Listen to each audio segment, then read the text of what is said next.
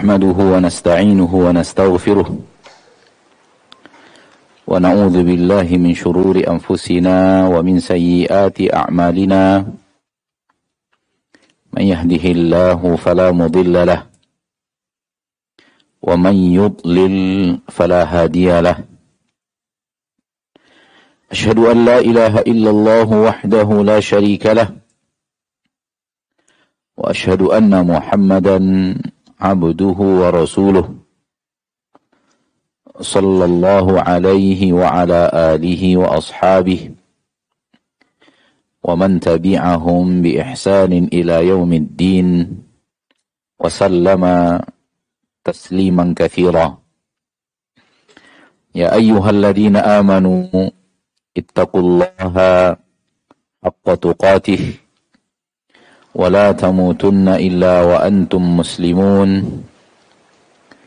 يا أيها الناس اتقوا ربكم الذي خلقكم من نفس واحدة وخلق منها زوجها وبث منهما رجالا كثيرا ونساء واتقوا الله الذي تساءلون به والأرحام إن الله كان عليكم رقيباً. يا أيها الذين آمنوا اتقوا الله وقولوا قولا سديدا. يصلح لكم أعمالكم ويغفر لكم ذنوبكم. ومن يطع الله ورسوله فقد فاز فوزا عظيما. أما بعد فإن أصدق الحديث كتاب الله وخير الهدي هدي محمد صلى الله عليه وسلم وشر الأمور محدثاتها فإن كل محدثة بدعة وكل بدعة ضلالة وكل ضلالة في النار. معاشر المسلمين معاشر المسلمات hadirat, al-musyahidin wal musyahidat di mana pun anda berada rahimani wa rahimakumullah.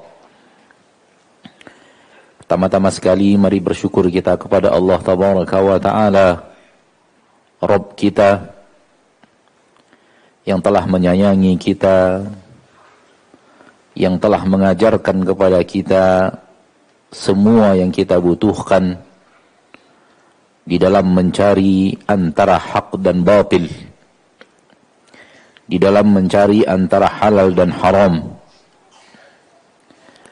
Maka di dalam syariat Allah tabaraka wa taala semua telah diterangkan dengan sempurna sehingga tidak ada yang tersisa. Semua yang berhubungan dengan hak dan batil halal dan haram, kebaikan atau keburukan, semuanya telah diajarkan oleh Nabi kita tercinta sallallahu alaihi wasallam. Walau zaman kenabian hanya 23 tahun akan tetapi zaman kenabian yang 23 tahun itu di dalamnya diturunkan syariat mampu menjawab masalah tadi sampai dunia kiamat. Di 23 tahun masa kenabian menjawab seluruh pertanyaan tentang hak dan batil, tentang kebaikan dan keburukan, apakah itu jalan yang dicintai Allah atau jalan yang dibenci oleh Allah sampai hari kiamat. Dan ini bukanlah perkara yang sulit bagi Allah Subhanahu wa taala. Walau secara logika manusia kok aneh. Karena menurut logika manusia zaman terdahulu harusnya lebih terbelakang dari zaman daripada zaman kemudian. Zaman terdahulu tidak akan mengetahui apa yang ada pada zaman yang terkini. Maka 23 tahun masa kenabian bagaimana bisa menjawab seluruh masalah sampai dunia kiamat. Ini ketika logika murni manusia berbicara. Namun ketika logika itu disirami oleh syariat, dikembalikan kepada keimanan kepada Allah, Rabb yang maha mencipta, Rabb yang maha mengetahui segala-galanya, maka ini bukanlah perkara yang sulit untuk difahami. Karena akidah ahlu sunnah, akidah umat Islam yang hak, mereka memiliki Rabb yang mengetahui segala-galanya. Innallaha bikulli syai'in alim. Maka walaupun syariat diturunkan dalam 23 tahun masa kenabian, masa risalah, namun yang menurunkannya adalah Allah Rabb yang mengetahui apa pun kejadian sampai dunia kiamat. Tidak hanya sampai dunia kiamat. Sampai apa yang terjadi setelahnya, sampai apa yang terjadi setelahnya, setelahnya, setelahnya yang tidak diketahui oleh manusia. Maka Allah yang maha tahu segala-galanya tidaklah sulit bagi Allah tabaraka wa taala untuk menurunkan seluruh masalah jawabannya ada di 23 tahun masa risalah.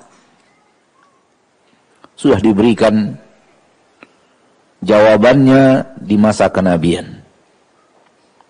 Oleh karena itu sampai hari ini apa pun masalah-masalah yang baru apa pun kejadian-kejadian yang sebelumnya tidak ada, di zaman Nabi SAW ada sesuatu yang bisa diambil sebagai jawaban untuk masalah tersebut. Kenapa? Karena Allah Taala telah menurunkan semuanya di dalam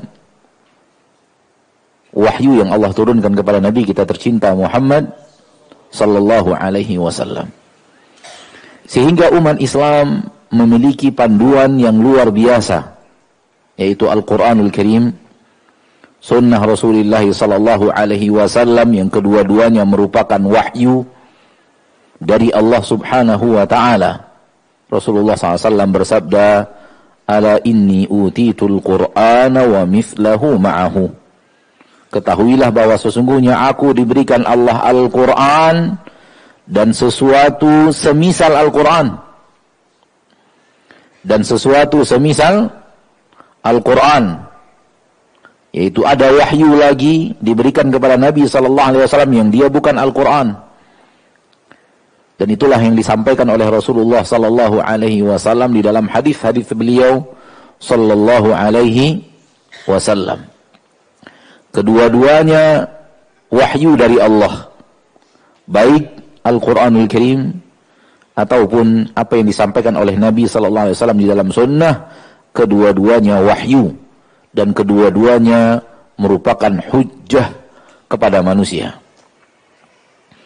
Dan tidak akan ada perseteruan antara Al-Quran dan Sunnah. Karena kedua-duanya datang dari Allah. Rasulullah SAW hanya menyampaikan. Kemudian mengamalkan apa yang beliau terima untuk dijadikan suri tauladan untuk dijadikan acuan dan pedoman dalam mengamalkan wahyu tersebut. Ma'asyarul muslimin, ma'asyarul muslimat, rahimani wa rahimakumullah. Pada kesempatan yang berbahagia ini, kita diminta untuk berbicara seputar logika dan syariat. Logika yang pada dasarnya adalah akal yang ada pada setiap insan. Manusia diciptakan Allah tabaraka wa taala dengan ciptaan spesial yaitu akal. Yang dengan akal tersebut Allah bedakan ia dan ciptaan-ciptaan Allah yang sangat banyak dari makhluk-makhluk Allah tabaraka wa taala yang sangat banyak sehingga ini merupakan kespesialan manusia. Ciptaan Allah subhanahu wa ta'ala di mana Allah letakkan padanya akal. Dengannya dia memahami. Dengannya dia mencerna. Dengannya dia berfikir. Dengannya dia mencari kebenaran. Dan bukan akal itu sendiri adalah kebenaran ini garis pemisah antara orang-orang yang menjadikan syariat adalah kebenaran, dan orang-orang yang menjadikan logika dan akalnya adalah kebenaran. Yang menjadikan syariat sebagai kebenaran, menjadikan akal pengikut kebenaran. Menjadikan logika sesuatu yang mengikuti kebenaran. Karena dia tidak meletakkan kebenaran ada pada ada pada logikanya, ada pada akalnya. Namun dia letakkan kebenaran ada pada wahyu yang diturunkan Allah tabaraka wa taala Rabbul Izzati wal Jalalah yang tadi sudah kita sampaikan di awal. Di situlah kebenaran berada. Di situlah hak berada. Dan hak tidak akan keluar dari wahyu yang diturunkan Allah tabaraka wa taala Rabbul Izzati wal Jalalah. Imam Ibn Qayyim Al-Jauziyah di dalam kitab Ighathatul Lahfan mengatakan bahwa sesungguhnya di dalam apa yang disampaikan Rasulullah SAW terdapat seluruh kebenaran.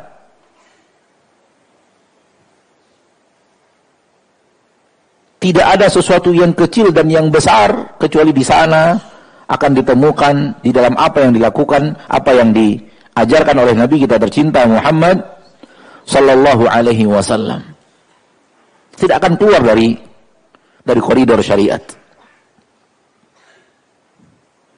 Akan tetapi sebahagian manusia salah dan menjadikan akalnya penentu kebenaran. Menjadikan logika dan akalnya sebagai penentu kebenaran. Akhirnya apa yang terjadi? akalnya dijadikan penentu kebenaran wahyu. Dan ini hal yang luar biasa terbalik. Bagaimana mungkin logika manusia dan dia adalah makhluk diciptakan sebagai penentu kebenaran terhadap wahyu yang ia datang dari yang menciptakan makhluk itu.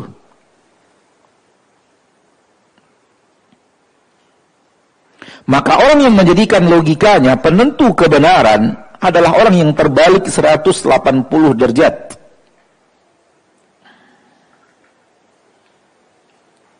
Dan ini hal yang bertentangan dengan logika itu sendiri.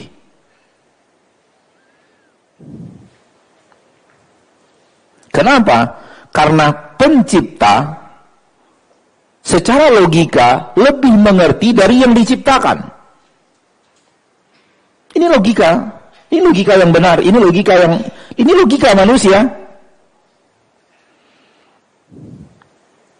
Yang mencipta lebih faham dibanding ciptaan. Bagaimana mungkin ciptaan lebih hebat daripada yang mencipta? Ini sesuatu yang secara logika nyata salahnya, nyata batilnya.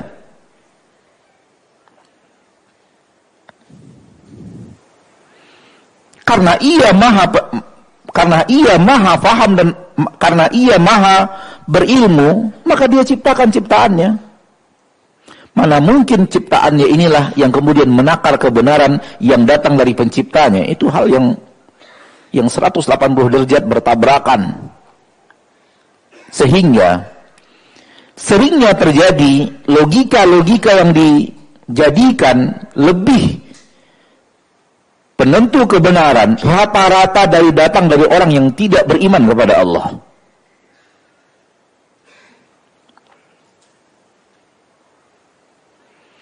Yang tahu hanya zahir kehidupan dunia. Atau orang-orang yang mengekor kepada mereka daripada bi'aful iman dari kaum muslimin yang kurang ilmu dan kurang iman.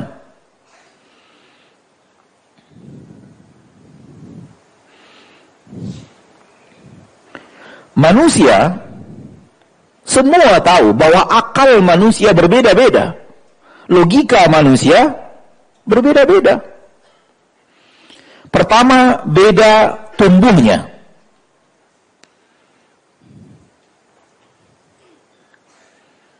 akal manusia ketika dia bayi berbeda dengan akal manusia ketika dia remaja. Ketika remaja bergerak dewasa, beda lagi akalnya. Ketika dewasanya semakin matang, semakin tajam akal dan logikanya, dia sendiri akalnya bervariasi. Itu baru dari satu manusia. Karena akal tumbuh, betul atau tidak? Akal tumbuh. Bayi bukan tidak punya akal, bayi punya akal, tapi sesuai dengan dengan kondisinya Allah ciptakan akal itu. Sehingga ketika dia lapar dia minta asi ke, ke ibunya dengan cara apa? Menangis. Ketika dia basah, dia menangis juga. Ketika dia ngantuk, dia menangis juga. Dan para ahli bayi bisa membedakan tangis bayi. Ini tangis lagi lapar. Ini tangis lagi lagi basah. Ini tangis lagi ngantuk. Ini tangis lagi sakit. Itu berbeda. Intonasi tangisnya berbeda. Setelah dipelajari oleh para ilmuwan tentang bayi. Artinya apa? Dia berkomunikasi kepada kita dengan caranya, dengan akalnya.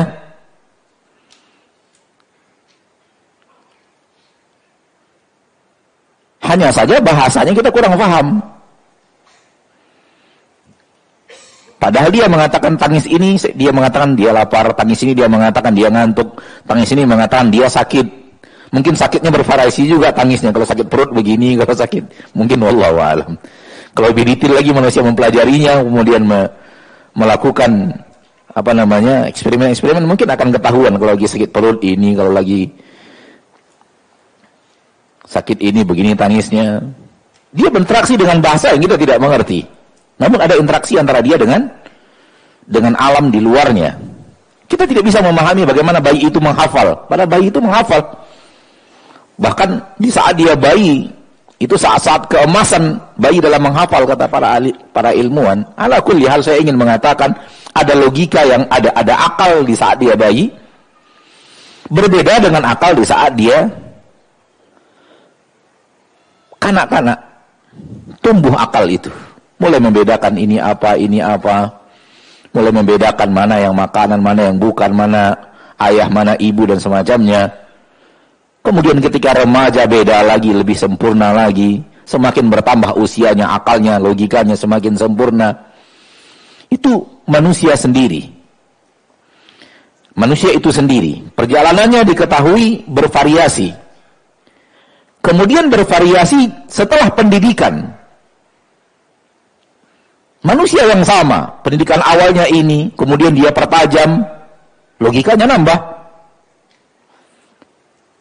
Kemudian dia lakukan eksperimen-eksperimen, logikanya nambah. Kemudian dia banyak baca buku, logikanya nambah. Semakin dia mengerti, semakin menunjukkan logika awalnya salah. Logika awalnya kurang. Pertumbuhan akal ini menunjukkan yang sebelumnya penuh kekurangan.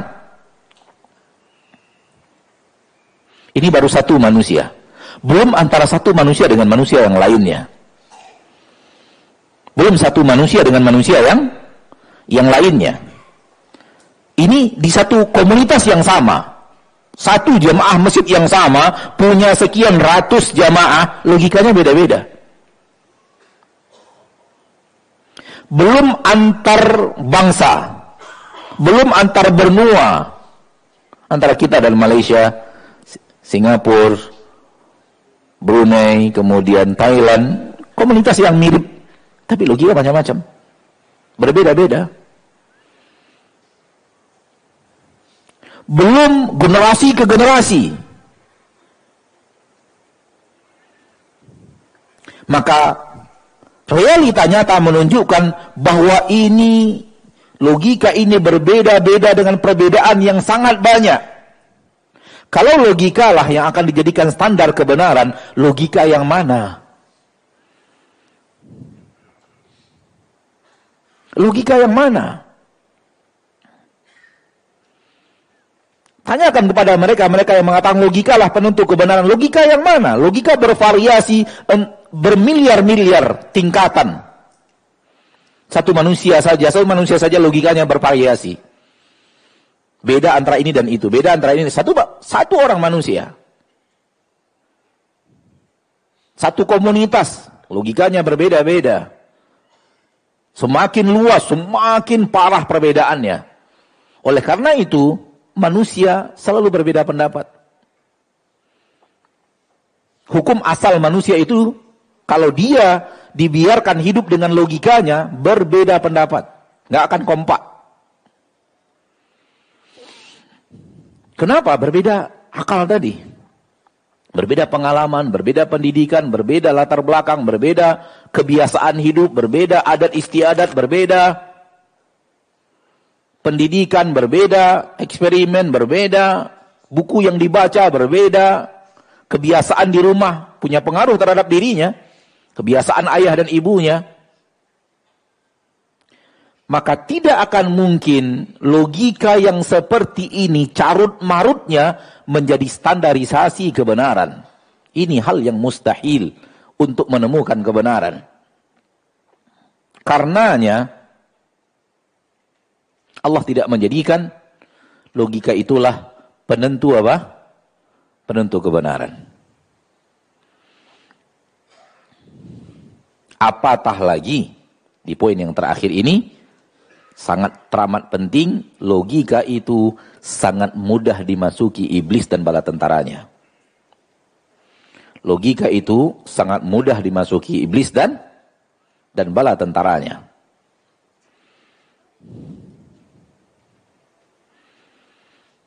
Kalau sudah masuk kepada titik itu, semakin jelas bahwa tak mungkin logika itu standar kebenaran.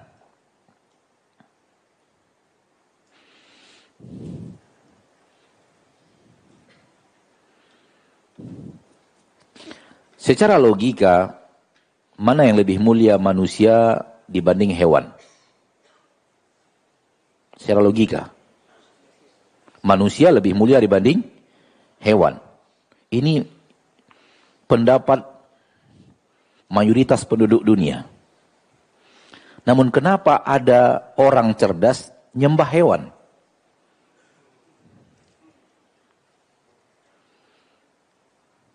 Pengaruh adat istiadat. Pengaruh dikte dari kecil dari orang tuanya masuk ke dalam hatinya, berubah menjadi keyakinan, dan ketika keyakinan itu sudah berubah menjadi bentuk keyakinan hati, logika mati. Logika tidak tidak akan kuat berhadapan dengan keyakinan yang tertanam di dalam diri.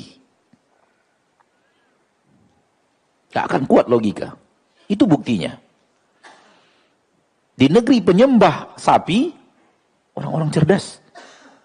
Profesor-profesor dunia, ilmuwan-ilmuwan terkenal dunia dan ahli-ahli di perusahaan-perusahaan besar dunia. Loh, kok pulang-pulang nyembah sapi? Apa nggak ada yang lebih lebih mulia gitu dari sapi gitu? Inilah, inilah, inilah apa? Inilah logika kalau sudah berhadapan dengan akidah. Akidah kalau salah, otak berhenti bekerja. Yang terjadi pada Quraisy menyembah batu. Hal yang sama.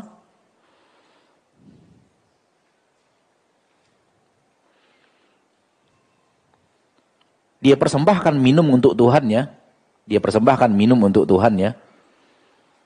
Dia persembahkan buah-buahan untuk Tuhannya. Lama-lama dia lihat hilang minuman itu dan buah itu. Ditanya ke karyawannya, mana buahnya tadi? Dimakan Tuhan. Dia bilang bodoh lu. Tuhan mana bisa makan. Oh Tuhan aja nggak bisa makan. Kenapa jadikan Tuhan makan aja nggak bisa? Kalau makan aja tidak bisa, apalagi mengatur alam semesta, memberi rezeki, hal yang kecil dia nggak mampu. Secara logika hal yang kecil dia tidak mampu, yang lebih besar dia tidak akan mampu.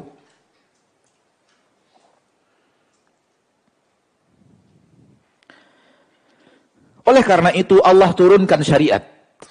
untuk meletakkan akal pada posisinya yang benar.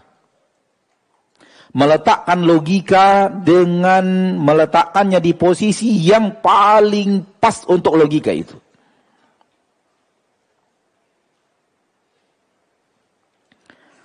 Agama Allah, Allah turunkan agar manusia berakal. Maksud berakal, berakal dengan akal yang benar. Agar logika manusia menjadi logika yang benar, tidak hanyut oleh kebiasaan, tidak hanyut oleh perbedaan, tidak hanyut oleh akidah-akidah masa kecil, tidak hanyut oleh pendidikan, tidak hanyut oleh buku yang dia baca, diturunkan syariat.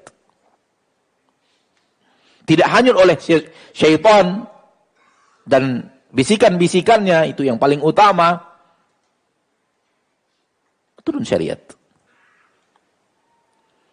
Allah tabaraka wa taala berfirman ketika Allah turunkan ayat-ayatnya agar kita berakal dalam surah Al-Baqarah ayat 242, "Kadzalika yubayyinullahu lakum ayatihi la'allakum ta'qilun." Demikianlah Allah tabaraka wa taala telah menerangkan kepada kalian ayat-ayatnya. Mudah-mudahan kalian berakal. Demikianlah Allah turunkan ayat-ayatnya. Supaya apa? Supaya logika kalian benar. Supaya kalian faham dan mengerti. Supaya pemahaman kalian berada pada pemahaman yang hak. Ini menunjukkan bahwa syariat Allah turunkan justru untuk membenarkan arah berjalannya akal dan logika manusia ke jalan yang benar. Hal yang mirip dengannya dalam surat Yusuf ayat 2. Inna anzalnahu Qur'anan Arabiyyan la'allakum ta'qilun. Sesungguhnya kami menurunkan Al-Quran tersebut, Quran Arabiyan dalam bahasa Arab. La'allakum ta'qilun. Mudah-mudahan dengannya kalian berakal. Para ulama mengatakan akal dan hal-hal yang berhubungan dengan akal di dalam Al-Quran lebih daripada 50 ayat.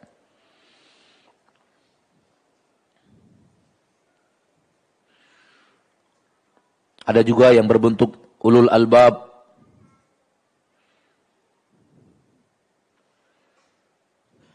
Kemudian perintah untuk menggunakan akal. Perintah untuk mentadaburi. Mentadabur pakai apa? Pakai akal. Perintah untuk tafakur alam semesta dan makhluk-makhluk ciptaan Allah. Untuk bagaimana cara kita memikirkan memperhatikan kecuali kecuali menggunakan akal.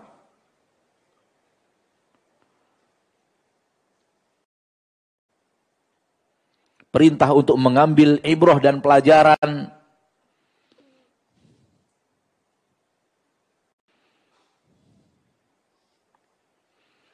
Semua ini adalah hal-hal yang menunjukkan kepada bahwa syariat Allah tabaraka wa taala adalah syariat yang diturunkan justru untuk mengarahkan manusia untuk memiliki logika yang yang benar. Dan subhanallah ketika Rasulullah SAW memimpin alam ini dengan syariat Allah tabaraka wa taala maka ketika menjalankan syariat Allah tabaraka wa taala tidak ada satu pun yang bisa mengalahkan hukum syariat dan itu bertahan dalam kurun waktu yang sangat panjang. 13 abad dari apa yang dirasulkan didirikan oleh Nabi sallallahu alaihi wasallam dengan izin Allah di kota Madinah bertahan. Baru kemudian satu abad terakhir karena dosa dan kesalahan kaum muslimin mereka jauh daripada syariat Allah tabaraka wa taala hilangkan itu dan Allah gantikan kekuatan kepada musuh-musuh Islam dan kita tidak sedang membahas hal tersebut Ma'asyiral muslimin, ma'asyiral muslimat tidak ada yang meletakkan akal di posisinya yang benar kecuali Allah Subhanahu wa taala. Karena Allah tahu siapa manusia. Allah menjadikan akal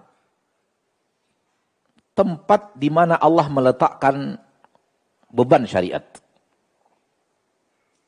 Beban syariat dipondasikan kepada akal. Sehingga syarat untuk wajibnya sesuatu harus dia berakal.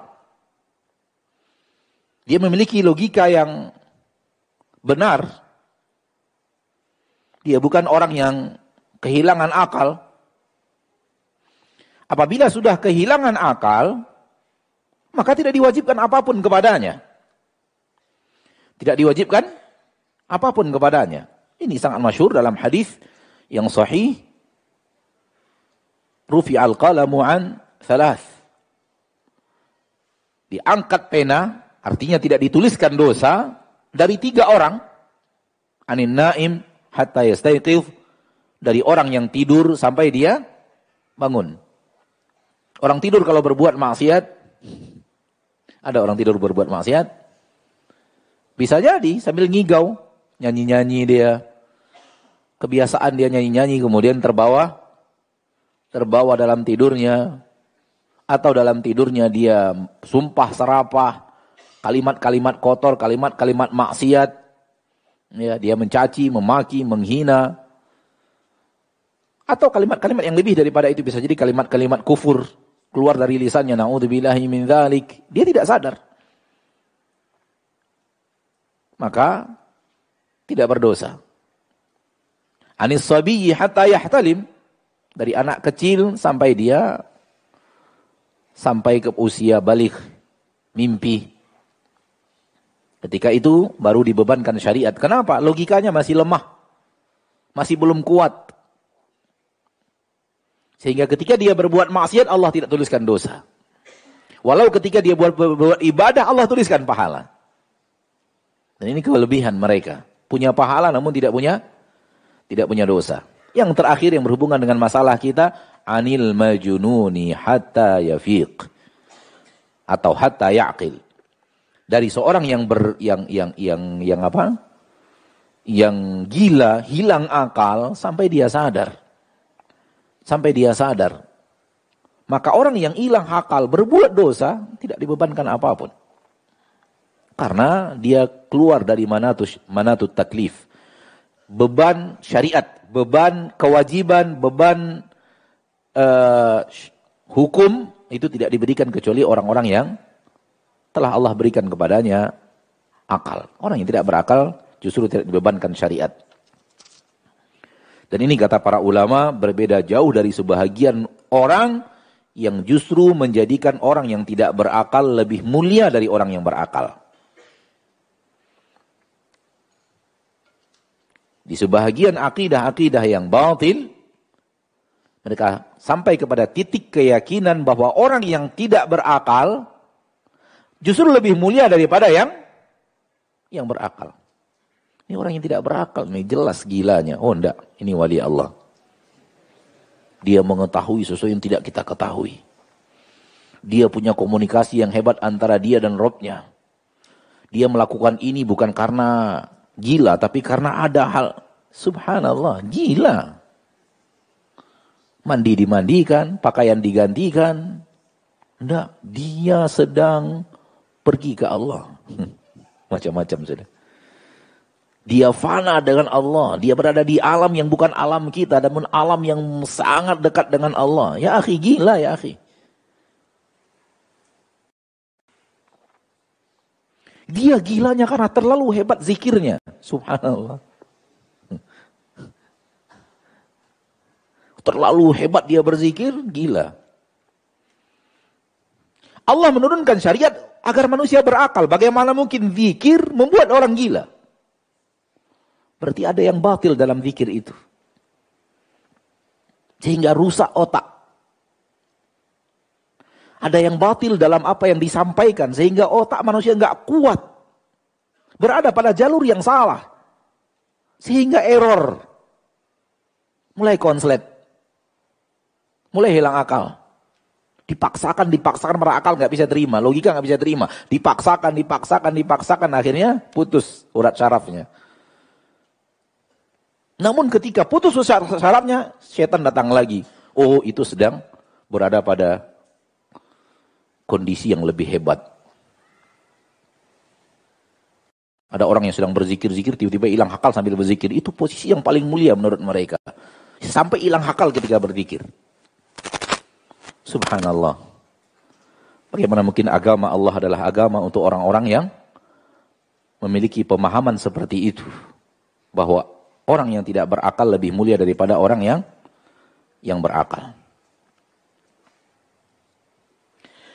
Lihat di dalam Al-Quran, Allah tabaraka wa ta'ala berbicara sesuatu yang dengannya Allah berbicara menuju logika manusia. Allah mengajak manusia untuk menarik logika manusia untuk memahami ini adalah kebenaran. Coba fikirkan. Artinya Allah mengajak berbicara akal manusia. Ayat yang pertama dalam surat At-Tur 35.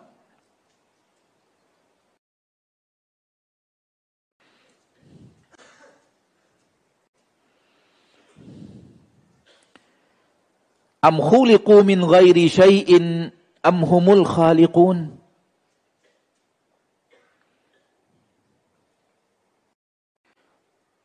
Faham yang saya maksud? Allah mengajak bicara akal manusia. Hai manusia coba coba pikirkan baik-baik ini. Coba cerna baik-baik ini. Allah nyuruh kita menggunakan akal. Allah ngajak bicara akal manusia. Allah mengarahkan pembicaraannya kepada akal. Am khuliqu min ghairi syai'in am humul khaliqun? Apakah kalian diciptakan padahal sebelumnya tidak ada? Atau kalian adalah menciptakan diri kalian sendiri? Akal suruh jawab. Logika suruh jawab. Hai manusia tolong jawab dengan logikamu yang benar kamu itu diciptakan atau nyiptakan diri sendiri.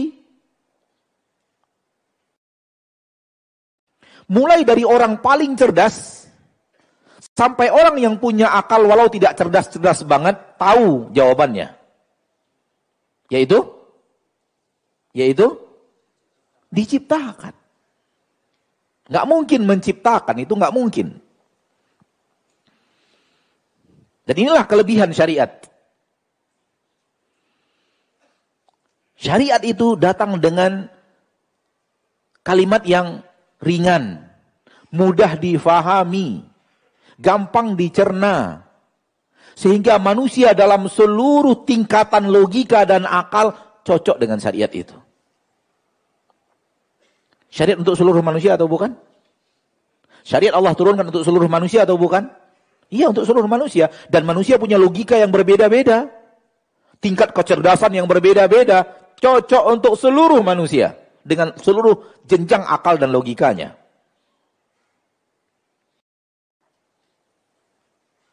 Kalau bukan Allah, nggak ada yang bisa melakukan itu.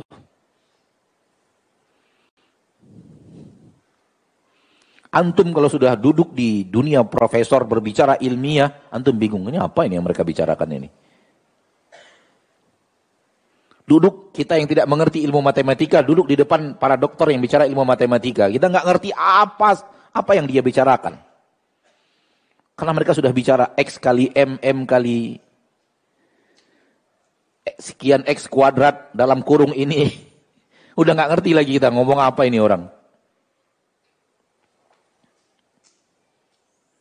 Khusus untuk kalangan-kalangan tertentu yang bisa memahami yang sudah berada pada level-level tertentu. Syariat Allah tidak seperti itu.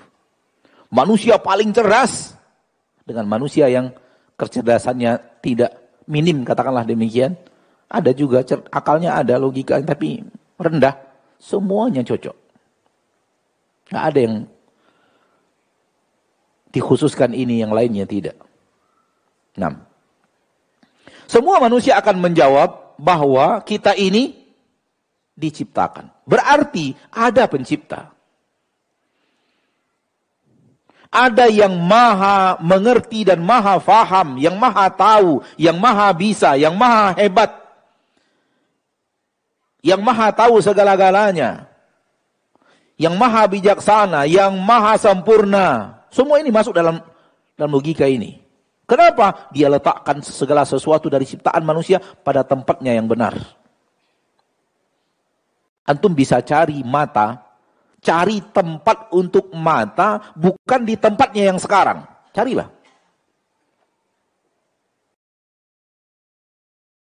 Cari. Kan tubuh sudah ada nih. Tubuh sudah ada atau tidak? Sudah lengkap? Sudah lengkap. Mata Allah letakkan di situ. Sudah. Jangan cari, tinggal nyari aja satu tempat di tubuh ini yang lebih paling cocok untuk tempat mata selain di tempatnya yang sekarang. Coba cari. Gak akan ketemu.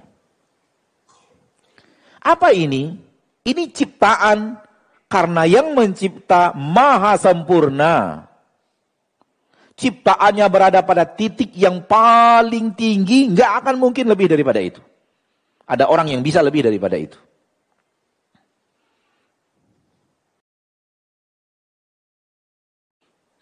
Coba cari tempat untuk telinga yang bukan tempatnya yang sekarang. Mau letak di mana coba telinga kita? Dan telinga itu Allah ciptakan antara tulang dan daging. Ada tulang-tulangnya, ada daging-dagingnya. Pertengahan. Karena kalau dia daging semua, melar. Kalau dia tulang semua, bermasalah juga ketika kita tidur. Gak akan ada yang bisa tidur di lantai kalau telinganya tulang semuanya. Nusuk, kesempurnaan ciptaan menunjukkan Rob yang maha sempurna yang mencipta. Karena tidak ada yang bisa memberikan kesempurnaan kecuali yang maha sempurna. Kalau dia tidak maha sempurna, dia tidak akan mungkin menciptakan makhluk yang sempurna.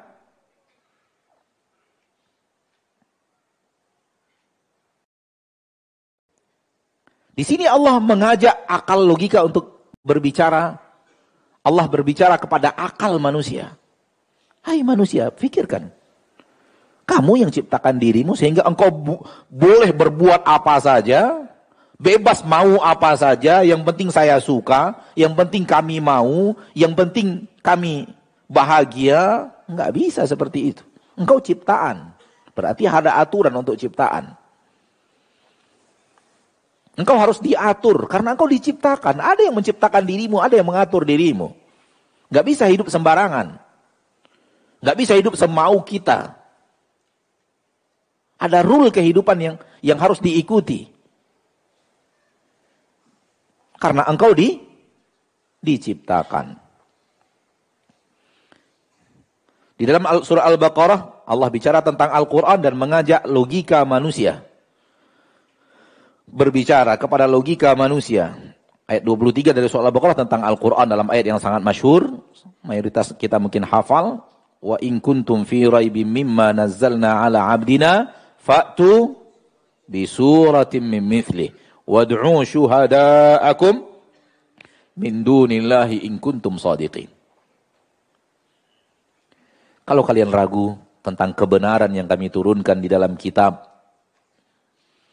yang kami turunkan kepada hamba kami yaitu Nabi Muhammad sallallahu alaihi wasallam fa'tu bi suratin min mithlihi maka datangkan satu surat saja seperti yang dibawa oleh hamba kami itu. Datangkan satu surat saja. Wad'u syuhada'akum. Panggil semua orang yang bisa bantu kalian.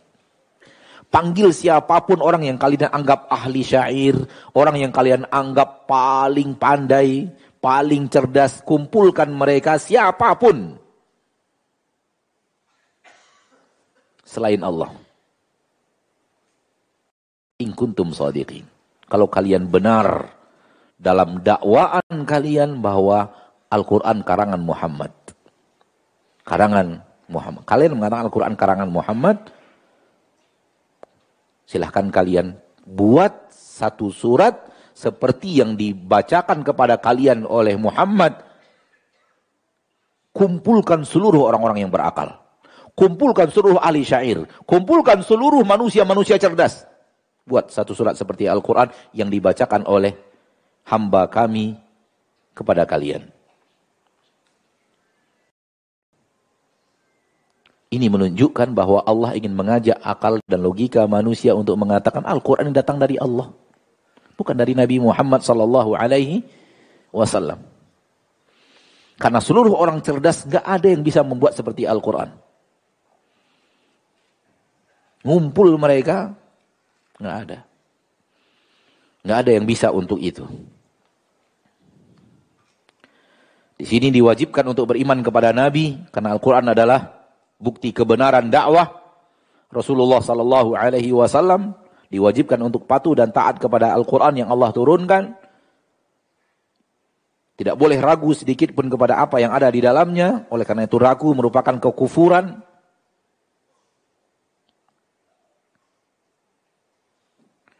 Dan tantangan ini sudah 14 abad lamanya. Tantangan ini sudah 14 abad lamanya. Dan dalam perjalanan 14 abad ini berapa banyaknya manusia-manusia cerdas. Manusia-manusia yang dikatakan manusia super jenius. Coba datangkan seperti Al-Quran kalau bisa. Ini menunjukkan kebenaran Al-Quran. Soal hari pembalasan, kiamat, dan apa yang ada di dalamnya, Allah mengajak logika manusia berbicara di dalam Al-Quran surah Al-Jathiyah ayat 21.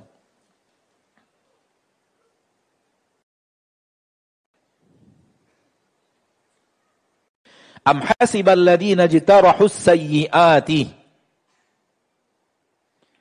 an naj'alahum kalladina amanu wa amilu salihati sawa'an mahyahum wa mamatuhum Sa'ama yahkumun.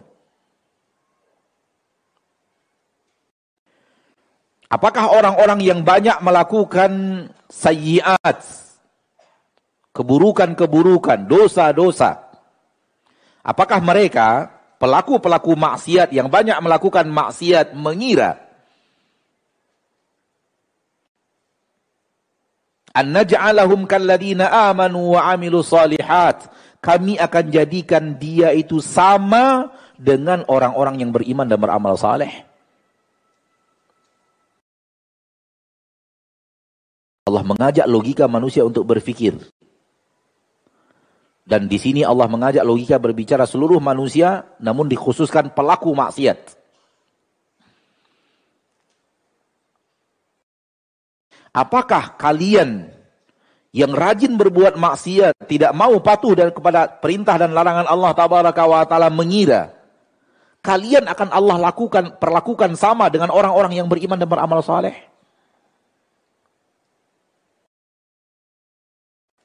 Sawa'am mahyahum wa mamatuhum sama perlakuannya di dunia dan di setelah kematian diperlakukan sama. Logika manusia mengatakan itu tidak adil. Fir'aun, Nabi Musa.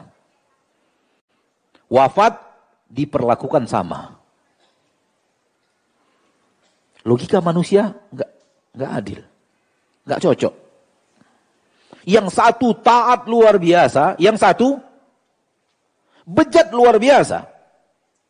Yang satunya patuh luar biasa, yang satunya menentang luar biasa. Yang satunya ikut perintah dan larangan, yang satunya kerjaannya melanggar perintah dan mengerjakan larangan. Setelah wafat disamakan. Orang-orang yang tidak beriman dengan adanya hari akhirat yang mengatakan setelah kematian tidak ada apa-apa, logika mereka mengarah kepada titik orang yang bejat, orang yang taat setelah mati sama.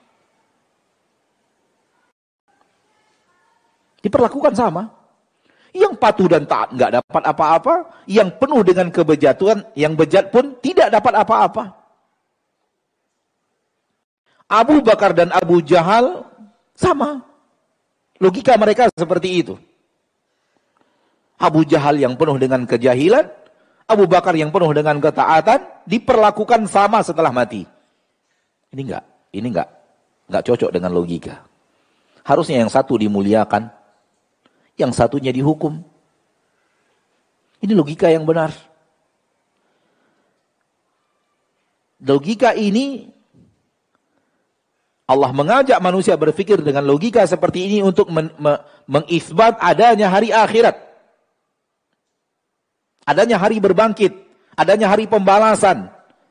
Di mana kebaikan akan berbalas kebaikan, keburukan akan berbalas keburukan. Yang patuh dan taat akan dimuliakan, yang selalu berbuat maksiat akan dihukum.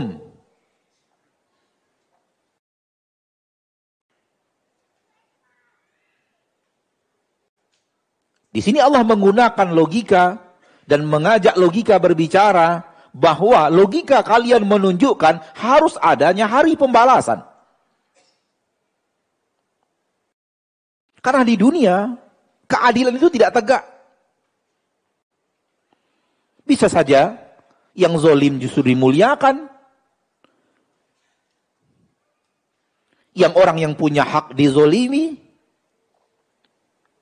Karena yang ini kuat, yang ini punya jabatan, yang ini rakyat kecil, tidak punya siapa-siapa.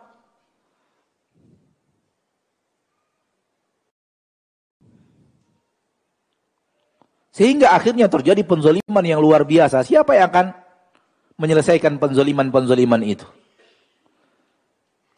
Maka logika manusia diajak berbicara oleh Allah dengan cara seperti ini untuk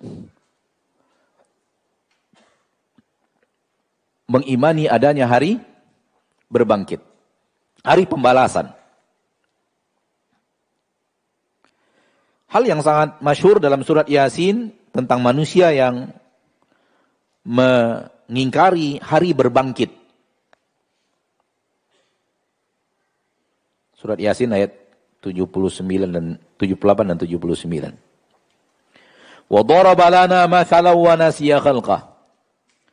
Qala man yuhyil 'idhama wa hiya ramim. Qul yuhyiha alladhi ansha'aha awwala marrah. Wa huwa bikulli khalqin alim.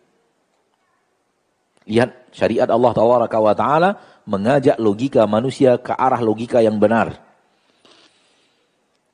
Mengajak berbicara logika, menghidupkan logika yang benar. Bahwa adanya hari berbangkit. Seseorang datang kepada Nabi SAW membawa tulang belulang yang sudah hancur. Luluh lantak yang sudah mirip dengan debu. Lalu mengatakan, Man yuhyin idhama ramim. Siapa yang bisa menghidupkan tulang belulang yang sudah luluh lantak seperti ini? Siapa yang bisa hidupkan? Dalam bahasa kita, nyeleneh kamu Muhammad. Ini tulang belulang kayak begini. Kamu katakan bangkit lagi, hidup lagi. Siapa yang bisa? Gak mungkin. Mustahil. Ini tulang belulang yang sudah tak berbentuk seperti ini. Sudah mirip tanah, mirip debu. Siapa yang bisa hidupkan lagi seperti sedia kala? Allah datangkan logika yang benar. Yang bisa menghidupkannya adalah yang menghidupkannya pertama kali. Dia sebelumnya ada atau tidak? Sebelum dia sekarang ini jadi tulang belulang yang hancur, dia sebelumnya hidup. Sebelum dia hidup ini ada atau tidak? Tidak ada kan? Toh hidup. Apa bedanya? Kalau kemudian dia mati, dihidupkan lagi. Kenapa Anda merasa mustahil ada kehidupan kedua padahal Anda menikmati kehidupan pertama? Apa yang mustahil dengan sesuatu yang sudah nyata? Kita sekarang hidup atau tidak? Berarti kita dihidupkan atau tidak? Ada yang bisa menghidupkan kita. Setelah kita mati, dihidupkan lagi. Apa apa rumitnya? Apa rumitnya? Nyata, nyata-nyata sudah ada. Kenapa Anda merasa mustahil adanya kehidupan yang kehidupan itu juga? Kehidupan adalah kehidupan. Ada orang kampung tak berpendidikan. Ya, orang kampung tak berpendidikan. Mampu membuat bangunan 10 lantai. Pendidikannya nggak ada. Hanya pengalaman-pengalaman dari ayahnya, kemudian dia coba kembangkan. Dia bukan arsitek, tapi tapi setelah itu dia buktikan bahwa dia mampu membuat bangunan di kampungnya 10 10 lantai. Walaupun tak tak mempelajari ukuran besi berapa, harus berapa, takaran ini, takaran ini, ini, daya dukung ini berapa, daya ini, efek yang banyak dipelajari dalam ilmu yang mungkin dipelajari dalam ilmu-ilmu yang antum pelajari mungkin ya, ilmu apa namanya? Ilmu arsitek atau ilmu sipil dan semacamnya, nggak punya itu dia, orang kampung. Tapi dia sudah bisa membuktikan bahwa dia membangun bangunan 10 lantai, kokoh dan kuat. Setelah itu dihancurkan. Bangunan itu hancur. Kemudian dipanggil dia lagi. Bisa nggak bangun 10 lantai lagi? Wah nggak mungkin, nggak mungkin. Nggak mungkin dia bisa bangun 10 lantai. Loh kok nggak mungkin? Ya anda kan bangunan sudah hancur. Dia sudah bangun sebelumnya. Setelah itu hancur. Suruh, bangun yang kedua kali. Kenapa dikatakan yang kedua kali bisa mustahil? Padahal dia sudah membuktikan pertama kali bangunan itu sudah ada. Logikanya demikian. Faham tidak? Faham insya Allah? Logika kita orang kampung, nggak belajar, nggak ada rumus ini, nggak ada rumus itu, nggak ngerti takaran besi, kekuatan besi, nggak ngerti kekuatan tekanan segala macam. Masa dia bisa bangun 10 lantai? Nggak, nggak mungkin, nggak mungkin. Kenapa nggak mungkin? Ya mustahil, nggak mungkin orang. Ya, dia sudah buktikan, pernah dia bangun bangunan itu. Ini logika yang benar. Sehingga ketika orang itu membantah adanya hari berbangkit dengan logikanya yang salah, Allah luruskan logika itu. Allah luruskan logika itu. Dengan mengatakan, Qul yuhyiha alladhi ansha'aha awwala marrah. Katakan, yang menghidupkan dia untuk yang kedua kali setelah mati ini adalah yang menghidupkannya pertama kali. Kalau pertama kali ia telah tunjukkan dia bisa menghidupkan, maka tidak mustahil dia hidupkan untuk yang kedua, yang kedua kalinya.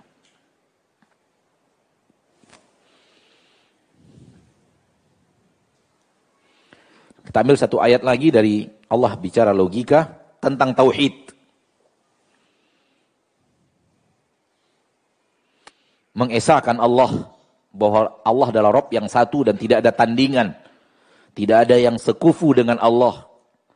Tidak ada yang setara dengan Allah. Di dalam Al-Quran surat Al-Mu'minun ayat 91.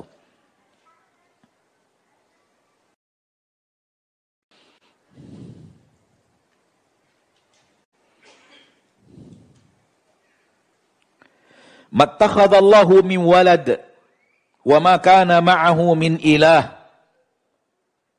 Allah tabaraka wa taala tidak pernah ngangkat-ngangkat anak. Di bawah dulu. Kumpulkan di bawah. Wa ma kana ma'ahu min ilah. Tidak ada bersama Allah ilah yang lain. Enggak ada. Idzan la dhahaba kullu ilahin bima khalaq. Kalau ada ilah yang lain selain Allah, maka masing-masing ilah membawa pergi ciptaannya. Akan terjadi dua gap di permukaan bumi. Kalau ada ilah selain Allah, satu misalnya, maka Allah dengan ciptaannya yang satu itu dengan ciptaannya akan terpisah. Akan ada terpisah. Ini ciptaan ini, ini ciptaan ini.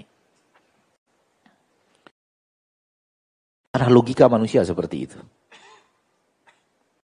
Ketika ada dua kepemimpinan, harus terpisah. Itu nggak bisa bersatu. Bersatu, kelahi dia. Ini merasa menguasai, ini merasa menguasai. Yang ada adalah perang kekuasaan. Dia harus terpisah. Yang ini dengan kekuasaannya, ini dengan kekuasaan. Yang ini dengan ciptaannya, ini dengan ciptaannya. Ini dengan makhluknya, ini dengan makhluknya. Ini yang dengan dengan yang hamba-hambanya ini harus terpisah. Kalau ada ilah selain Allah akan terjadi yang seperti ini. Pertanyaannya, apakah kalian melihat di alam semesta ada terpisah seperti itu? Atau semuanya bersatu seolah-olah dia adalah satu kesatuan yang tidak terpisah satu sama lainnya?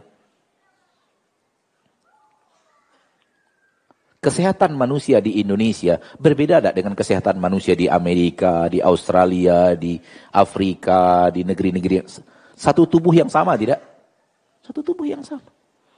Prosesnya, sifat dan kelakuannya,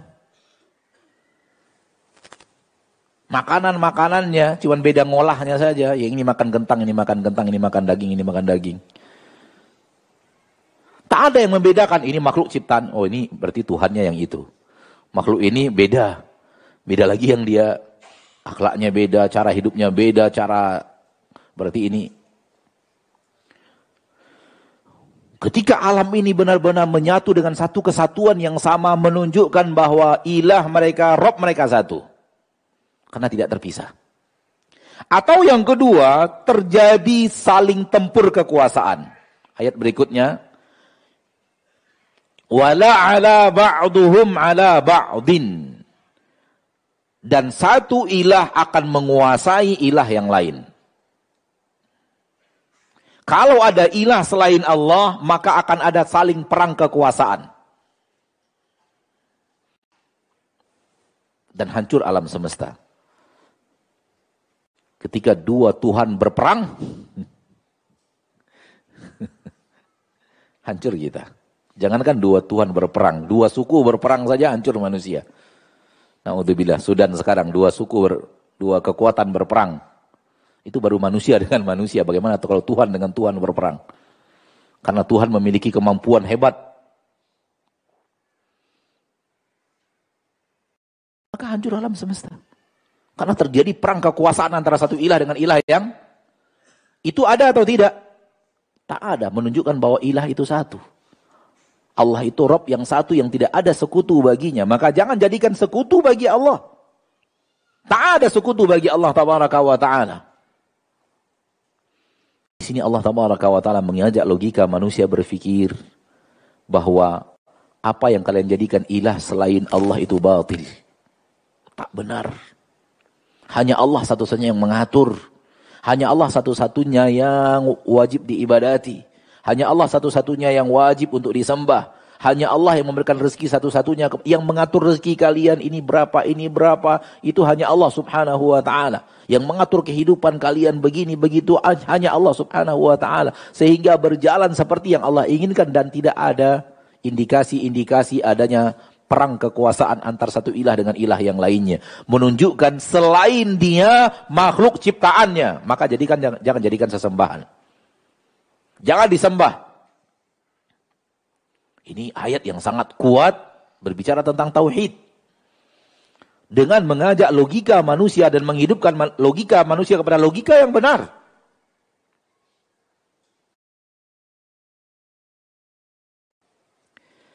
Maka ma'asyarul muslimin, Allah tabaraka wa ta'ala menurunkan Al-Quran tidak membuat logika ini menjadi jongkok. Tidak mengenyampingkan logika. Justru menghidupkan logika. Menghidupkan logika dengan cara yang benar. Dan apa yang tadi kita dengarkan dari ayat-ayat Allah dan masih banyak ayat-ayat Allah yang lainnya berhubungan dengan Allah mengajak bangkit logika manusia yang benar menunjukkan bahwa begitu pentingnya logika dalam kehidupan manusia. Hingga dalam puluhan dan ratusan ayat Allah Allah mengajak berbicara logika manusia, menumbuhkan logika manusia. Akan tetapi Allah tidak menjadikan logika itu Allah tidak menjadikan logika itu penentu. Soal penentu Allah katakan Allah dan Rasulnya. Lihat di dalam Al-Quran, surat Ashura, ayat 10. Wa makhtalaftum min syai'in fahukmuhu ilallah. Berbeda pendapat kalian, logika kalian gak sama, terjadi logika berbeda pendapat dalam logika kalian, kembalikan kepada Allah. Hukumnya kepada kepada Allah kepada Rasul dalam surah An-Nisa ayat 65, Fala wa rabbika la yu'minuna hatta yuhakkimuka fima syajara bainahum. Maka demi Rabbmu mereka tidak beriman. Allah bersumpah dengan namanya, dengan dengan, dengan kekuasaannya, dengan rububiyahnya. La yu'minun mereka tidak beriman hatta yuhakkimuka fima syajara Sampai engkau mereka jadikan hakim, pemutus perkara dalam perkara-perkara yang mereka berseteru. Kau kembali mereka kembalikan kepadamu, yaitu kepada Rasul sallallahu alaihi wasallam. Rasul akan memberikan keputusan sesuai dengan yang diperintahkan Allah Subhanahu wa taala. Disuruh untuk mengembalikan kepada Allah dan Rasulnya. Kalau tadi surah Allah, yang ini Rasul, dalam ayat lain Allah dan Rasulnya yaitu surah An-Nisa ayat 59. Fa in tanaza'tum fi syai'in farudduhu ila Allah war Rasul. Kalau kalian berselisih dalam suatu perkara, maka kembalikanlah perkara itu kepada Allah dan dan Rasul. Tidak kepada logika. Karena logika bisa dimasuki iblis, bisa dimasuki logika yang salah, bisa dimasuki oleh kebodohan, bisa dimasuki oleh hawa nafsu, bisa dimasuki oleh beraneka ragam. Hal yang membuat dia rusak. Maka logika kata para ulama itu bagaikan kemampuan melihat dengan cahaya logika dan syariat. Logika bagaikan kemampuan melihat. Dan syariat bagaikan cahaya. Tidak bisa kemampuan melihat berdiri tanpa cahaya. Sehebat apa pun manusia kesehatan matanya, kalau cahaya tidak ada, dia tidak bisa menentukan ini apa, ini apa, ini apa, ini apa. apalagi yang berhubungan dengan halal dan haram. Berhubungan dengan sesuatu yang sulit untuk dideteksi karena berada di alam yang sangat gaib yang manusia tidak bisa mengetahuinya. Maka harus ada kekuatan mata untuk melihat. Namun membutuhkan cahaya dari Allah untuk dia bisa melihat. Antum bisa membedakan ini merah di, di karpet antum bisa lihat ini merah, ini putih, ini hijau, ini hitam apa lagi di karpet ada apa lagi? Hitam, putih, hijau, coklat, merah. Kenapa kok bisa dibedakan? Oh, karena saya bisa melihat. Belum, belum hanya bisa melihat. Karena di sini juga ada apa? Cahaya. Sekiranya antum dibawa ke sebuah tempat gelap, nggak ada cahaya sama sekali, kemudian ada karpet yang berbeda, suruh tebak warnanya, warna apa? Suruh sebutkan warna apa? Bisa kita sebutkan warnanya? Nggak bisa. Padahal kita, mata kita sehat. Sesehat-sehatnya, nggak ada sakit sama sekali. Tapi ketika cahaya tidak ada, maka dia tidak bisa menentukan ini warna apa ya. Sehingga ada kisah dulu waktu saya kecil-kecil, mungkin di sini juga ada, nggak tahu apakah di Sumatera saja atau di sini juga ada orang buta yang tidak tahu apa-apa, yang tidak mengerti apa itu gajah, suruh memegang gajah dan bercerita tentang gajah. Yang satu pegang kupingnya, yang satu pegang kakinya, yang satu pegang kepalanya, yang satu pegang ekornya, lalu suruh bicara tentang gajah. Ya masing-masing bicara sesuai dengan apa yang dia sesuai dengan apa yang dia pegang. Kenapa dia bisa nggak bisa lihat? Maka ma'asyarul muslimin, ma'asyarul muslimat rahimani wa rahimakumullah. Kata para ulama seperti itu. Bahwa logika dengan syariat Allah bagaikan kemampuan melihat namun membutuhkan cahaya. Dia tidak bisa berdiri sendiri untuk hidayah. Dia membutuhkan cahaya dari Allah untuk dapat hidayah. Tidak akan ada logika yang benar bertabrakan dengan syariat yang benar. Itu tidak ada. Kalau seandainya terjadi berbenturan Salah satu di antara dua. Ima cara memahami kita tidak benar. Logika kita yang salah.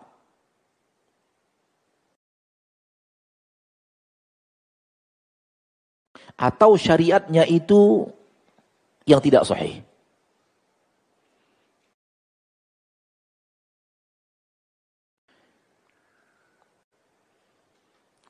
Syariat yang dikatakan ini agama Allah. Kok agama ini gak cocok dengan logika saya? Mungkin agama yang dibawa itu gak benar. Pemahaman yang dibawakan itu gak benar sehingga logika manusia gak terimanya. Atau yang kedua, agama itu benar, logika kita yang salah. Adapun kedua-duanya benar, kemudian tidak bertemu itu nggak ada. Oleh karena itu apabila ada sesuatu yang bertolak belakang dengan logika kita dan berasal dari ayat Al-Quran, berasal dari hadis yang sahih, maka yang harus kita tuding adalah logika kita, bukan syariat. Masyaallah muslimin ini yang bisa Anda sampaikan pada kesempatan yang berbahagia ini. Dalam waktu yang bisa kita berikan. Waktu yang tersisa insya Allah kita gunakan untuk menjawab beberapa pertanyaan yang kita punya ilmu untuk menjawabnya. Sallallahu wasallam wa baraka wa an'am ala abdihi wa rasulihi Muhammad.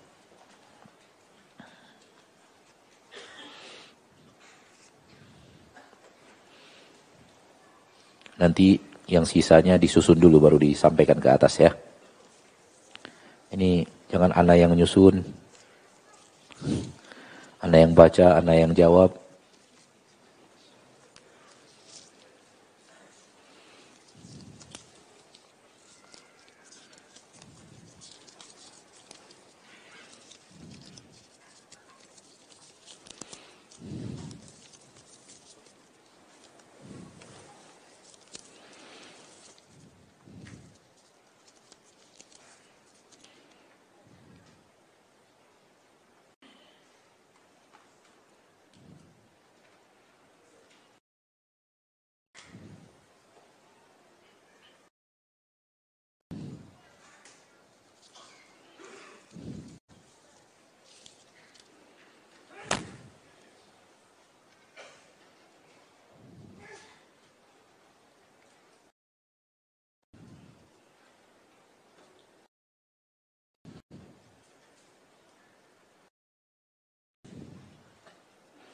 Apakah akal bisa dijadikan sebagai dalil dalam permasalahan kias?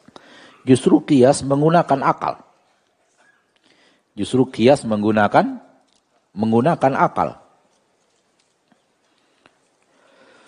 Agama kita telah membuat hukum kias. Rasulullah SAW mengkias. Allah berbicara kias di dalam Al-Quran. Dan kias adalah mencari titik persamaan antara satu masalah dengan masalah yang lainnya. Dan itu membutuhkan akal. Membutuhkan titik yang menyatukan persamaan. Dari dua hal yang bervariasi. Sehingga terjadi kemampuan logika untuk melihat ada persamaan di sini. Sehingga hukum yang tidak dibahas dalam syariat, mengambil hukum yang dibahas dalam syariat karena ada persamaannya. Sehingga para ulama mengkias. Jadi menggunakan logika, kias itu menggunakan logika. Dan ketika dipakai dengan cara yang benar, maka kiasannya menjadi benar. Namun ketika dipakai kias dengan maksud yang tertentu, dengan cara yang tidak benar, kiasnya menjadi salah.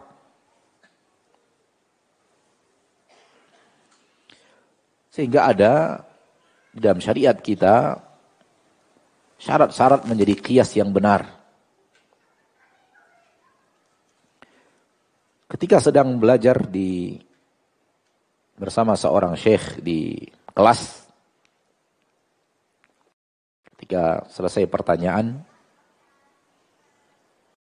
teman dari Afrika bertanya, Syekh di negeri kami, ilmuwan di negeri kami berhasil menciptakan kendaraan yang bahan bakarnya khomar. Bahan bakarnya khamar. Pertanyaannya, apakah halal menaiki bahan kendaraan dengan bahan bakar khamar? Jadi ilmuwan di negeri mereka, kata sahabat ini, berhasil menciptakan kendaraan, bahan bakarnya tidak solar, tidak bensin, dan bahan bakar yang diketahui ketika itu. Zaman itu belum ada kendaraan listrik, sehingga tidak ada pertanyaan listrik. Namun bahan bakarnya khamar.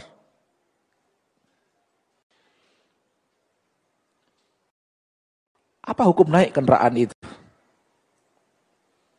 Ini kalau dicari dalam Al-Quran, dalam hadis, udah pasti nggak ketemu ini. Kalau benar-benar masalah itu yang dicari, ada kendaraan, kendaraannya bahan bakarnya komar, itu nggak pasti nggak ketemu. Namun, cari sesuatu di zaman Rasul Sallallahu Alaihi Wasallam yang mirip dengan itu kasusnya. Itulah dia kias.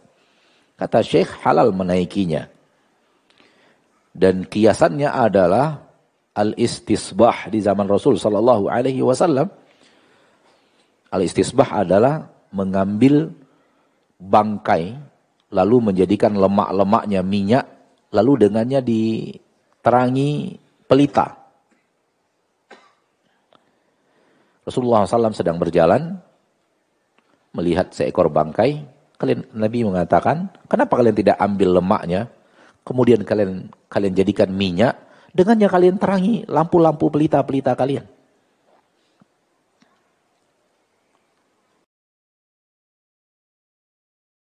Bangkai haram atau tidak? Khamar haram. Diambil, dijadikan bahan bakar pada pelita. Diambil, dijadikan bahan bakar untuk kendaraan. Pelita ada cahayanya, bermanfaat kendaraan, ada manfaat alat transportasi. Bangkai tadi tidak dimakan. Khamar tadi tidak diminum. Mirip sekali masalahnya. Ini hanya mengambil sesuatu yang haram kemudian menjadikannya sebagai hal yang bisa memberikan manfaat dan yang dinikmati adalah manfaatnya. Mirip, maka halal. Subhanallah, Allah telah jadikan sesuatu di zaman Rasul jawaban untuk seluruh masalah yang terjadi di zaman apa pun. Dengan cara kias tadi. Dengan cara apa? Kias wallahu alam.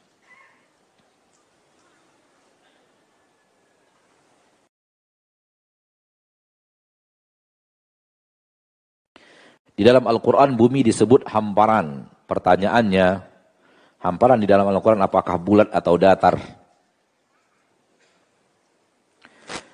Syekh Muhammad bin Saleh Al-Utsaimin berbicara panjang tentang bulat atau tidak bulatnya bumi.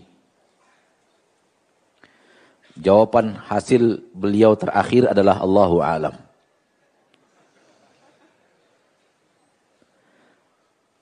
Dan kemudian beliau mengatakan ini adalah sesuatu yang ilmunya tidak menambah iman dan tidak tahu tidak menambah mengurangi iman. Wallahu alam. Ada ayat-ayat yang mengarah kepada hamparan. Ada ayat-ayat yang mengarah kepada takwir apa pembulatan yukawwirul laila 'ala an-nahar wa yukawwirun nahara 'ala al-lail. Wallahu alam. Karena tidak secara ilmiah tidak rojihkan satu dan yang lainnya. Allahu alam. Dan ini tidak menambah iman dan tidak tahu tentangnya juga tidak mengurangi keimanan.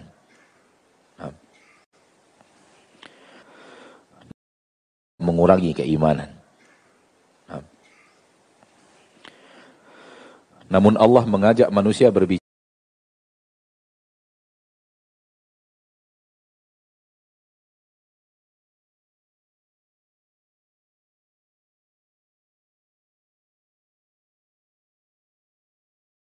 tas di sana apa di sini?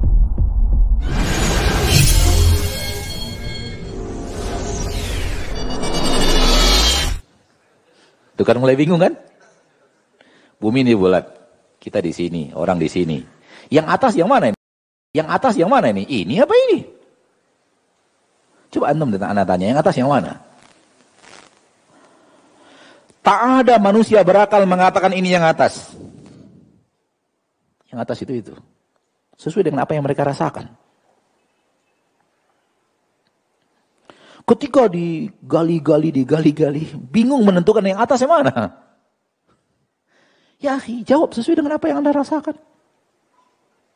Dan itu dirasakan oleh seluruh manusia dari zaman Rasul sebelum zaman Rasul sampai sampai zaman kita saat zaman orang selalu, selalu menunjuk atas itu di sana nggak ada yang menunjuk atas itu di bawah. Kalau antum sebagai guru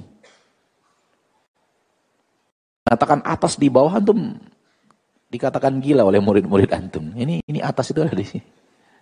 Ini bawah.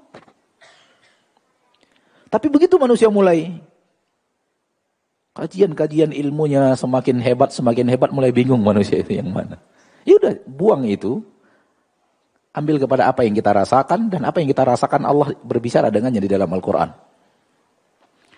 Seluruh yang tidak kita ketahui kembalikan kepada Allah Subhanahu wa taala.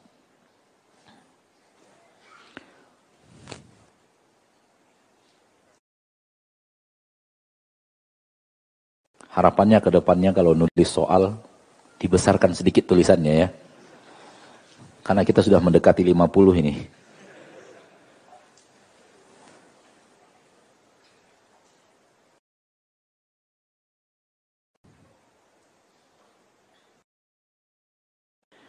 Allah saya memiliki seorang saudara yang mengatakan dan menyatakan kalau dia adalah ateis. Ini zaman kita sekarang fitnah alat komunikasi, alat informasi yang begitu mudah.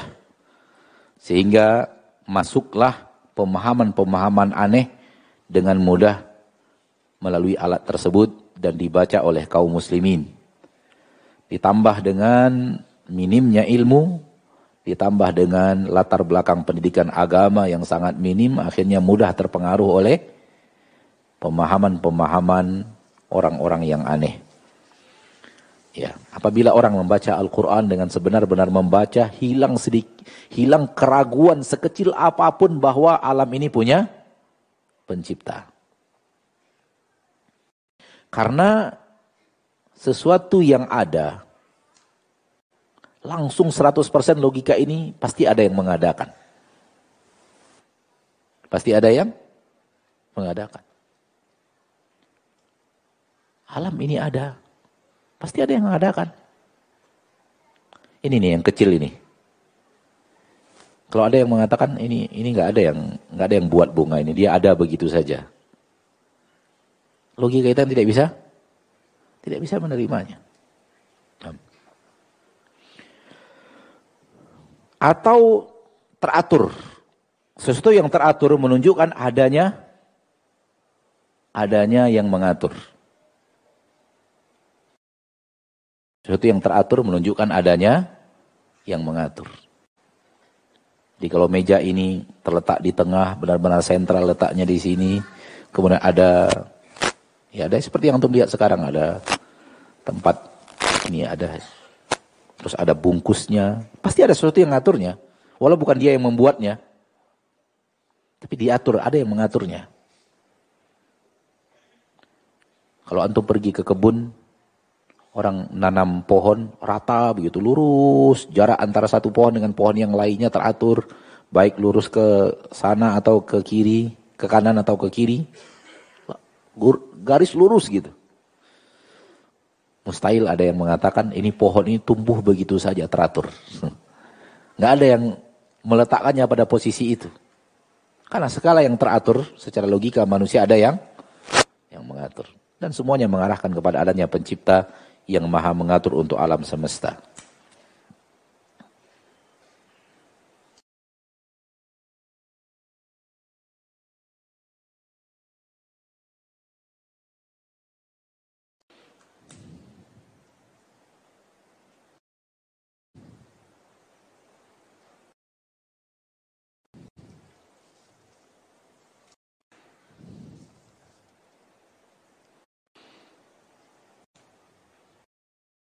Bagaimana caranya agar logika kita tidak menyelisihi syariat?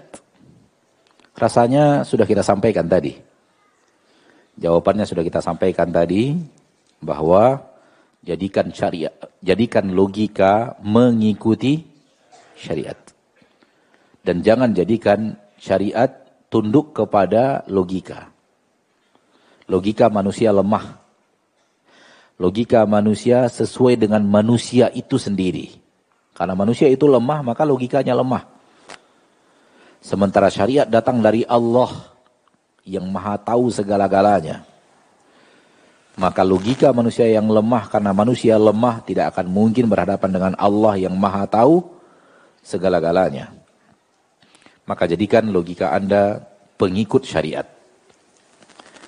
Dan kalau ada sesuatu yang terasa secara logika kurang pas, padahal syariatnya benar, tinggal datangi yang mengerti. Fas'alu ahla dzikri in kuntum la ta'lamun. Tanya kepada yang mengerti apabila kalian tidak mengerti.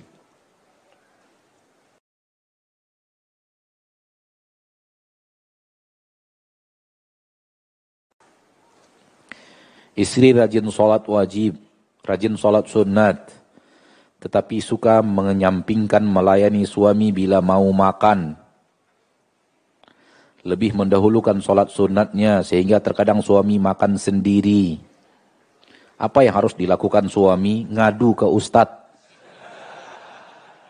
Supaya ustadz jawab, istrinya dengar.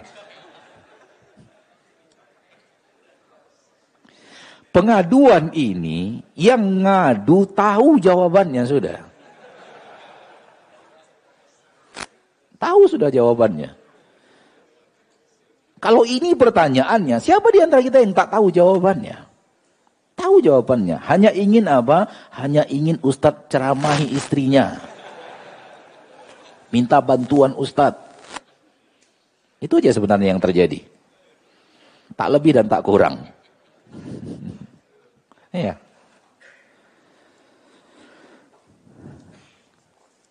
Dan keluhan Anda benar bahwa kalau memang itu Anda tidak ridho, maka Anda berhak melarang istri sholat sunat untuk melakukan kewajiban, melakukan apa yang Anda inginkan. Kalau Anda tidak, tidak ridho. Anda ridhonya makan ditemani. Perintahkan istri itu, temani saya makan temani saya maka nanti sholat sunatnya undur. Undur sholat sunatnya. Karena taat kepada suami bagi seorang istri adalah adalah wajib. Sementara sholatnya sholat sunat. Mana yang lebih didahulukan dalam syariat ini? Yang wajib apa yang?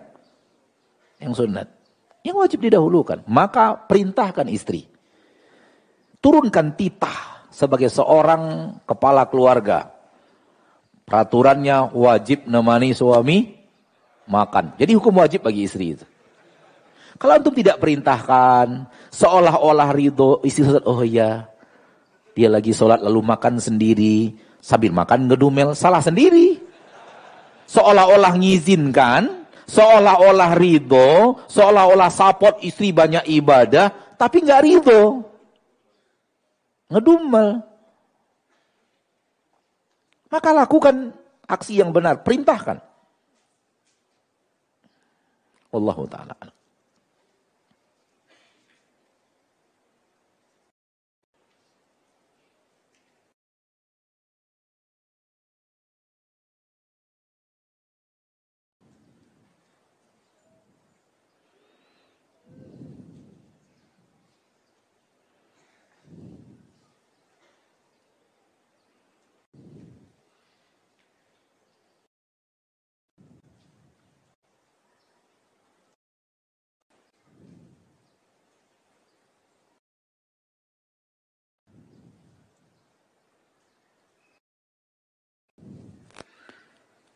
Ustadz di luar tema Ustadz, Ana bekerja di salah satu sekolah sunnah diamanahi oleh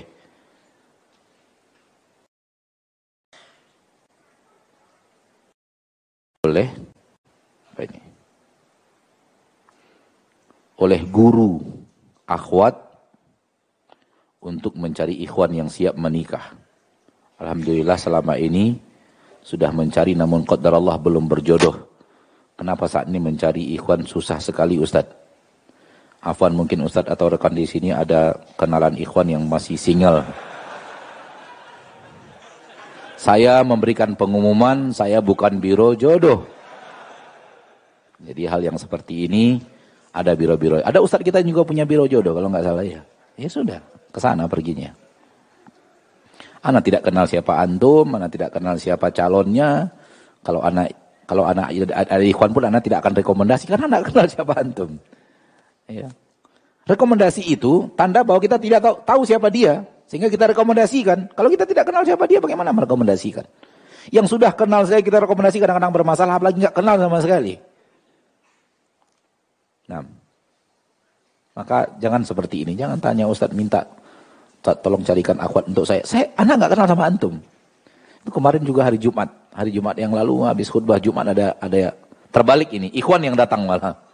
Ustadz, tolong rekomendasikan saya untuk seorang akhwat Ustadz yang Ustadz kenal. Anak nggak bisa, anak nggak kenal antum ya akhi. Siapa antum anak nggak tahu. Kemudian anak rekomendasi seorang akhwat. Ketika anak rekomendasikan pasti akhwat itu merasa apa? Ustaz kenal orang ini, kenal baik. Oleh karena itu dia rekomendasikan untuk kita. Anak nggak kenal antum, maka anak nggak akan berani rekomendasi. Maka cari ustadz yang kenal antum. Sehingga dia kalau kenal antum, kenal antum akal antum tahu dia ibadah antum, kesabaran antum dan semuanya dia tahu, dia bisa rekomendasikan itu kepada seorang yang dia kenal.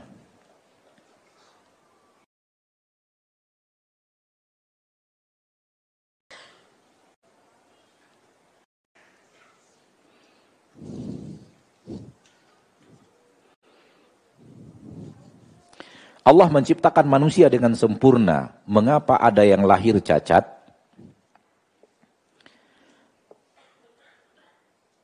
Allah menunjukkan kepada kita Allah mampu segala-galanya. Sebagaimana Allah mampu menciptakan yang sempurna, di satu sisi Allah taala ciptakan yang tidak sempurna agar yang sempurna faham. Allah bisa jadikan kalian seperti dia kalau Allah mau. Sehingga akan ada ciptaan-ciptaan Allah tabaraka wa taala yang Allah takdirkan berbeda dengan ciptaan yang lain, tapi jumlahnya sedikit. Yang sedikit ini tidak bisa dijadikan hukum. Bahkan yang sedikit ini sebagai logika bahwa kalian yang banyak ini harusnya bersyukur. Tidak seperti ini Allah ciptakan. Itu di antara hikmah. Allah menciptakan sesuatu yang cacat agar kita-kita yang mayoritas penduduk bumi yang tidak cacat ini bersyukur kepada Allah. Kita diciptakan apa? Sempurna. Kemudian manakala secara in, secara detail dibahas kenapa anak ini cacat, itu biasanya juga terjadi proses sebab. Ada sebab orang tuanya jatuh. Ada sebab orang tuanya terlalu rajin begadang terlalu rajin makan makanan yang salah dan keliru bertahun-tahun berefek kepada janinnya. Ada penyebab-penyebab kesalahan manusia atau kejadian pada manusia berefek kepada ciptaan Allah tabaraka wa taala yang tadi antum katakan cacat. Wallahu taala alam intinya adalah Allah Maha bisa atas segala sesuatu dan menciptakan sesuatu dengan sebab. Manusia diciptakan dari ayah dan ibu. Ada manusia Allah ciptakan nggak ada ayah, nggak ada ibu, nggak ada laki-laki, nggak ada wanitanya. Ada atau tidak? Ada. Siapa? Nabi Adam. Berarti tanpa ayah dan ibu, tanpa laki-laki dan wanita, Allah juga mampu ciptakan. Ada juga yang Allah ciptakan, ada laki-lakinya, wanita nggak adanya. Wanitanya nggak ada. Siapa? Laki-lakinya ada, wanitanya enggak. Nah, ibu kita Hawa. Hawa Allah ciptakan dari Adam. Hanya ada laki-laki, wanitanya nggak ada. Alaihi salam. Namun diciptakan dari tulang rusuk Nabi Adam, diciptakan ada hanya ada laki-laki, wanita nggak ada. Allah ciptakan manusia. Jadi kita diciptakan dari ayah dan ibu. Nabi Adam tanpa ayah dan tanpa ibu. Ada yang diciptakan laki-laki. Kalau kita katakan ada ayah tapi tidak ada ibu. Mungkin bahasanya seperti itu tapi Nabi Adam bukanlah ayah dari dari Hawa. Tapi ada laki-laki tidak ada wanita. Udah tiga. Ada satu lagi harus ada adanya ibu tapi tidak ada tidak ada ayah. Oleh karena itu Nabi Nabi Isa pelengkap empat kesempurnaan itu. Sudah ada manusia yang diciptakan tanpa ayah dan tanpa ibu. Ada manusia yang diciptakan ada ayah, ada ibu. Ada manusia yang diciptakan ada laki-lakinya, tidak ada wanitanya. Tinggal satu lagi, ada wanitanya, tidak ada. Itu yang disempurnakan oleh Nabi Nabi Isa. Allah Allah sempurnakan tanda kemampuannya, tanda mahabisanya Allah dengan Nabi Nabi Isa. Harus ada lagi seorang manusia yang lahir ada ibu tapi tidak ada ayah. Karena itu adalah ciri-ciri kekuasaan Allah yang luar biasa kepada Nabi Nabi Isa alaihi salam. Karena tiga-tiganya sudah sebelumnya sudah ada, tinggal yang satu belum. Allah sempurnakan dengan Allah ciptakan Nabi Nabi Isa dengan ada ibu namun tidak ada tidak ada ayah.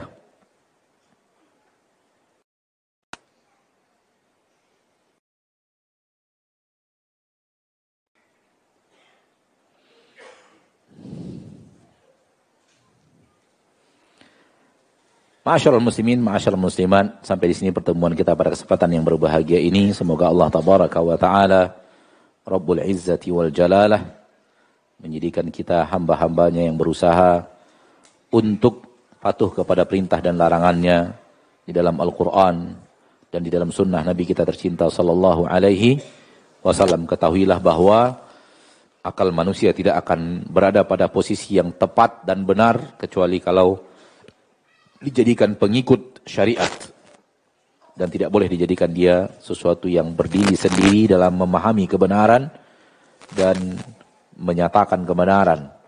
Akan tapi kebenaran ada pada syariat Allah dan logika untuk memahaminya.